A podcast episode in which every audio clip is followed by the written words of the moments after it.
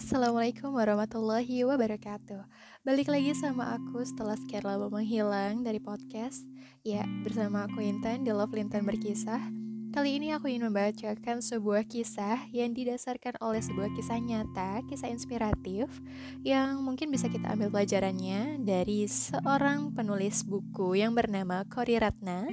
Dalam bukunya yang berjudul Kisah-kisah Menyentuh Hati yang akan membuatmu menangis jadi pada kesempatan kali ini aku ingin membacakan sebuah kisah dengan judul Akibat Mengabaikan Larangan.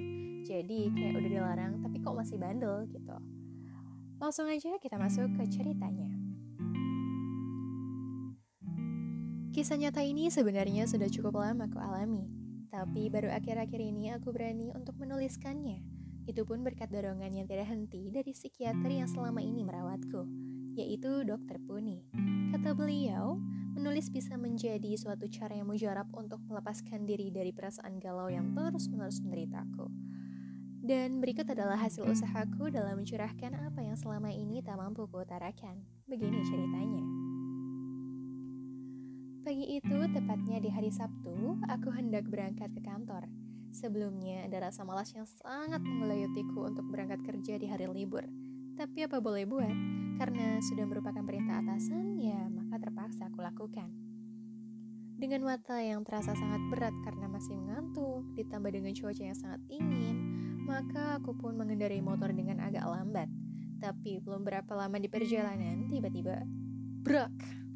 Aku dikagetkan dengan suara benturan yang sangat keras, yang itu tuh membuatku langsung menghentikan motorku. Ternyata tepat di depan mataku terjadi kecelakaan. Terlihat ada tiga orang yang sudah terkapar di jalan aspal. Aku pun langsung mendekati mereka. Dengan tergesa-gesa, akhirnya aku mendekati ketiga orang itu. Sebenarnya aku tak sanggup untuk melihat kondisi ketiganya yang terluka cukup parah. Tapi karena terdorong rasa kasihan yang tinggi, akhirnya aku coba untuk memberanikan diri untuk menolong mereka. Rasa ngeri semakin bertambah ketika melihat keadaan salah satu korban yang ternyata seorang gadis mungkin sekitar umur 15 tahun. Kepalanya tanpa helm itu dibanjiri dengan darah yang sangat banyak. Mungkin karena terbentur aspal dengan sangat keras.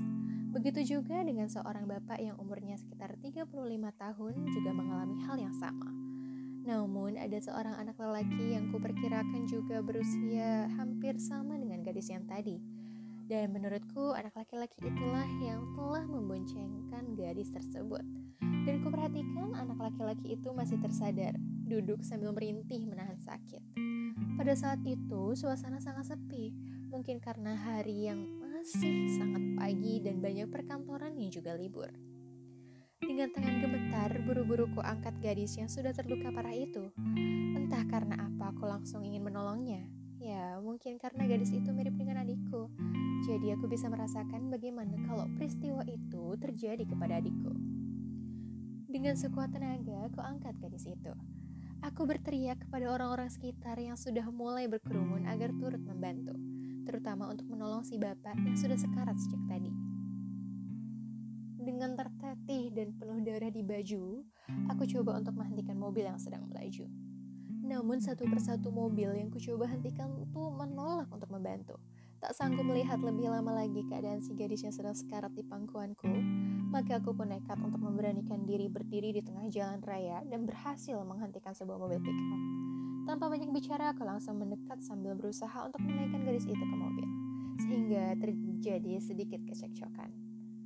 Apa-apaan ini? Tanya supir yang sedang membentak. Tolong, antarkan anak ini ke rumah sakit terdekat, Pak. Jawabku dengan tergesa-gesa. Oh nggak bisa, saya lagi sibuk, jawab si supir dengan sangat marah. Bapak ngajak saya berantem. Gadis ini sedang sekarat loh pak, dia harus segera dibawa ke rumah sakit. Bapak punya hati nurani nggak? Aku membentak dengan sedikit nada kesal. Supir itu akhirnya langsung terdiam setelah melihat keadaan gadis tersebut yang terluka cukup parah. Akhirnya, setelah mendapat sinyal persetujuan, Aku pun langsung menaikkan gadis itu ke mobil dan orang-orang yang telah datang untuk membantu ikut mengangkat pemuda dan bapak yang tadi juga terluka parah ke atas mobil pickup itu.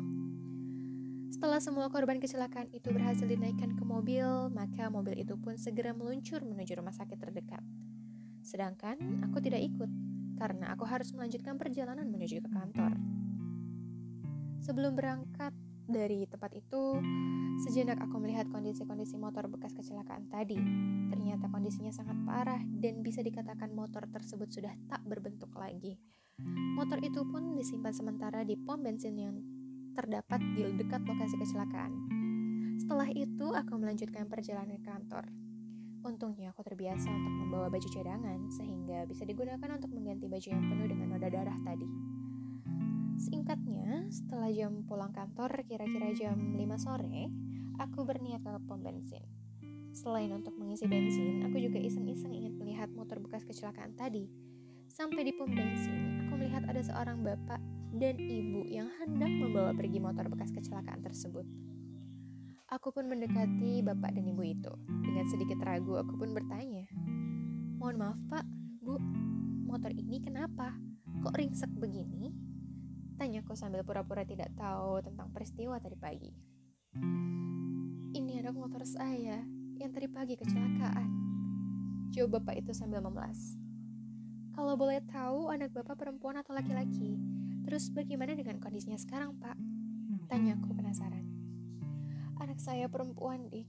Dia sudah meninggal karena benturan keras di kepalanya. Jawab bapak itu dengan sangat sedih. Mendengar jawaban dari bapak itu, aku langsung diam lemas. Gak berani nanya-nanya lagi. Saat itu aku terdiam, tiba-tiba ibu itu berbicara dengan isak tangisnya. Semalam ibu sudah melarangnya agar tidak pergi. Tapi anak ibu itu terus membantah dan terus tetap ingin pergi dengan teman-teman lakinya itu. Padahal ibu itu tidak mengizinkan dia untuk pergi. Kata ibu itu sambil. Kalau begitu, anaknya ibu itu semalam bersama teman laki-lakinya tanpa izin orang tuanya. Gumamku. Terakhirnya, ibu itu bicara sendiri. Ya Allah, ikhlaskan hamba. Jangan sampai kekecewaan ini menyulitkan anakku di sana. Sayangi anakku ya Allah. Sesungguhnya hamba sangat menyayanginya. Doa ibu itu sambil terus menangis. Peristiwa tersebut membuatku mendapatkan satu pelajaran yang sangat berharga, bahwa larangan seorang ibu sangatlah keramat. Banyak hal buruk yang bisa menimpa kita jika kita mengabaikan perintah ibu. Dan kejadian ini juga bisa menjadi cermin dan pelajaran bagi para orang tua agar lebih bisa mengontrol pergaulan anak gadisnya. Setelah sejenak merenungi peristiwa tersebut, aku pun bergegas untuk pulang ke rumah. Khawatir jika nantinya terharu dan hanyut terlalu lama sehingga menangis di situ. Sebelum meninggalkan tempat itu, tak lupa pula aku berdoa sejenak untuk kedamaian arwah gadis itu dan untuk keikhlasan mereka yang ditinggalkan. Ya, jadi begitu kisahnya. Dari kisah yang aku baca ini, kita sama-sama lah bisa menarik kesimpulan bahwa misalnya kalau ada larangan dari orang tua, ya janganlah kita lakukan itu kalau nggak boleh ya kita obrolin baik-baik atau misalkan memang sekalinya itu sangat-sangat tidak boleh ya kita urungkan niat kita untuk melakukan itu. Banyak kegiatan-kegiatan yang bisa kita lakukan yang jauh mungkin lebih bermanfaat dan juga memberikan feedback yang baik buat kita. Jadi aku tekankan lagi pada kisah ini kita tidak boleh untuk melanggar larangan dari orang tua. Sebisa mungkin kita harus patuh Oke, okay, sekian dari kisah ini. Semoga harimu menyenangkan. See you on the next podcast. Wassalamualaikum warahmatullahi wabarakatuh.